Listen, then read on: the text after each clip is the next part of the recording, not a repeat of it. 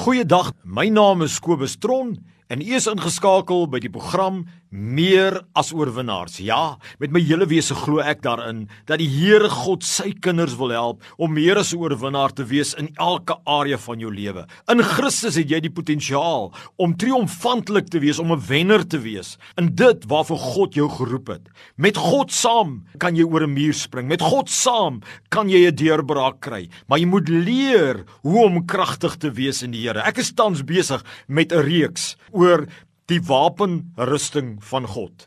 En ek gaan vandag fokus op die vyfde gedeelte van die wapenrusting, die skild van die geloof. Maar voor ek daarop fokus en vir jou verduidelik wat dit is, kom ons lees saam Efesiërs hoofstuk 6 vanaf verse 10.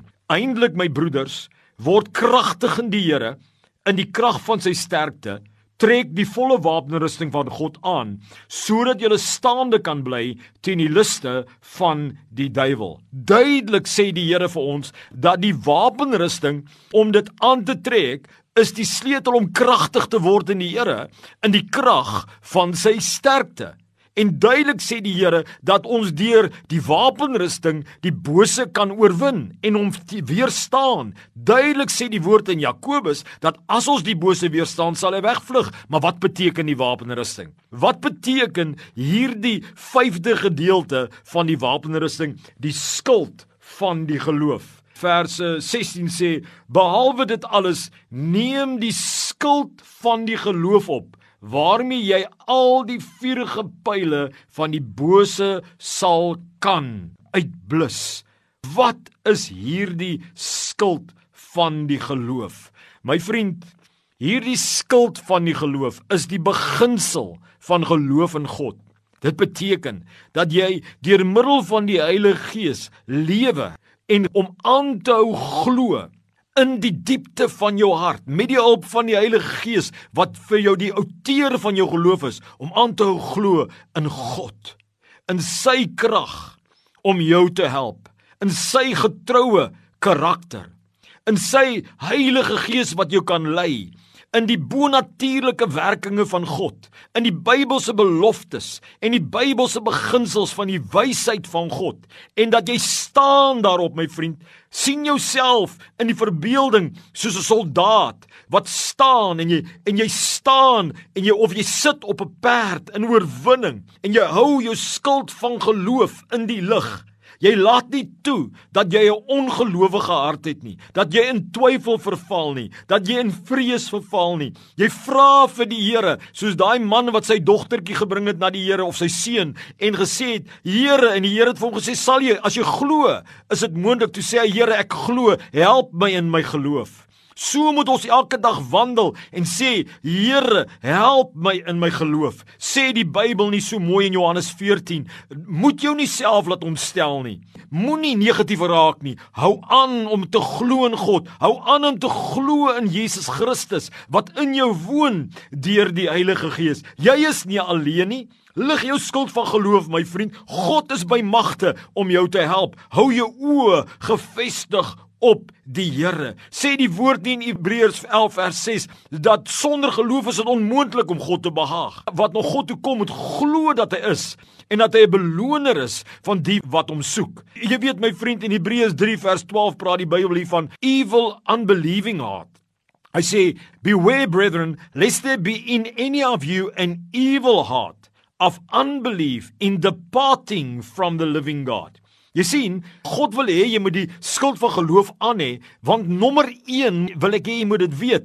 Wanneer jy glo in God, kan 'n ongelowige evil heart nie in jou kom nie. Wanneer 'n ongelowige evil heart in jou is, gaan jy saggies mas verseker ophou om met God tyd te spandeer. Ophou om oop te wees vir om sy stem te hoor.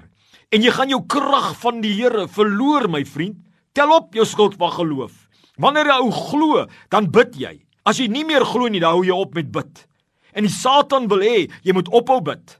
Hy wil hê jy moet ophou glo dat God kan praat, dat God kan deurkom vir jou. Tel op jou skild van geloof. Laat toe dat die Heilige Gees jou hart vul met geloof nou en veg, veg, veg daarmee. Wat sê die Bybel? Hy sê hou die skild van geloof wat die vuurige pile van die bose sal blus. Dan maak nie saak wat 'n strategie Satan op jou bring nie. Dit word geblus. Maak nie saak wat se gedagtes kom daar na jou kop toe nie, waar jy die helm op het nie. Hy blus dit. Hy blus dit want God is met jou. Sê die Bybel nie ook baie baie mooi, wanneer jy bid en jy glo Jy glo dat wat jy bid God hoor, God sal antwoord nie. Dit is waarom die Bybel sê word kragtig in die Here, trek die volle wapenrusting van God aan. Wanneer ons glo, my vriend, word ons harte gevul met geloof. Wanneer ons glo, word ons harte gevul met vrede en kan vrees nie inkom nie. En as vrees inkom, dan het die bose 'n houvas. So hoe weerstaan ons die bose? Ons weerstaan hom deur te sê ek kies elke dag om in geloof te lewe in die beloftes van God, in die krag van God, in die feit dat ek sy stem kan hoor, en die feit dat hy die Here God my helper is. Daarom, daarom sal ek nie vrees nie. My vriend, verstaan jy nou wat die skild van geloof is? Leer nou hoe om te veg daarmee. Beklee jou daarmee. Moenie toelaat dat 'n ongelowige hart in jou ontwikkel nie. Dis boos. Dit vat jou weg van God. Kies om te glo. Dit behaag God. Dit bring God deur na jou. Dan word jou skild van geloof soos 'n antenna wat daardie stem van die Here trek, dan hoor jy, dan kan jy doen, maar as hy nie daar is nie, gaan jy ophou wil gehoorsaam, want jy glo dan nou nie meer nie. Dan gaan die stem kom, maar jy gaan dit nie hoor nie. My vriend, wees meer as oorwinnaar deur aan te trek die skild van die geloof, dan gaan jy triomfeer. Dan gaan jy die vuurige pile van die bose blus. Dan gaan vrede in jou hart kom. Dan gaan blydskap in jou hart kom. Dan gaan jou hart oop wees vir die stem van die Here. Dan gaan God jou gebede beantwoord. Dan word jy kragtig in die Here, in die krag van sy sterkte. Kom aan kinders van die Here, ons is triomfantelik in die Here want God is met ons. God seën magtige, meer as oorwinnaar soldaat van die Here.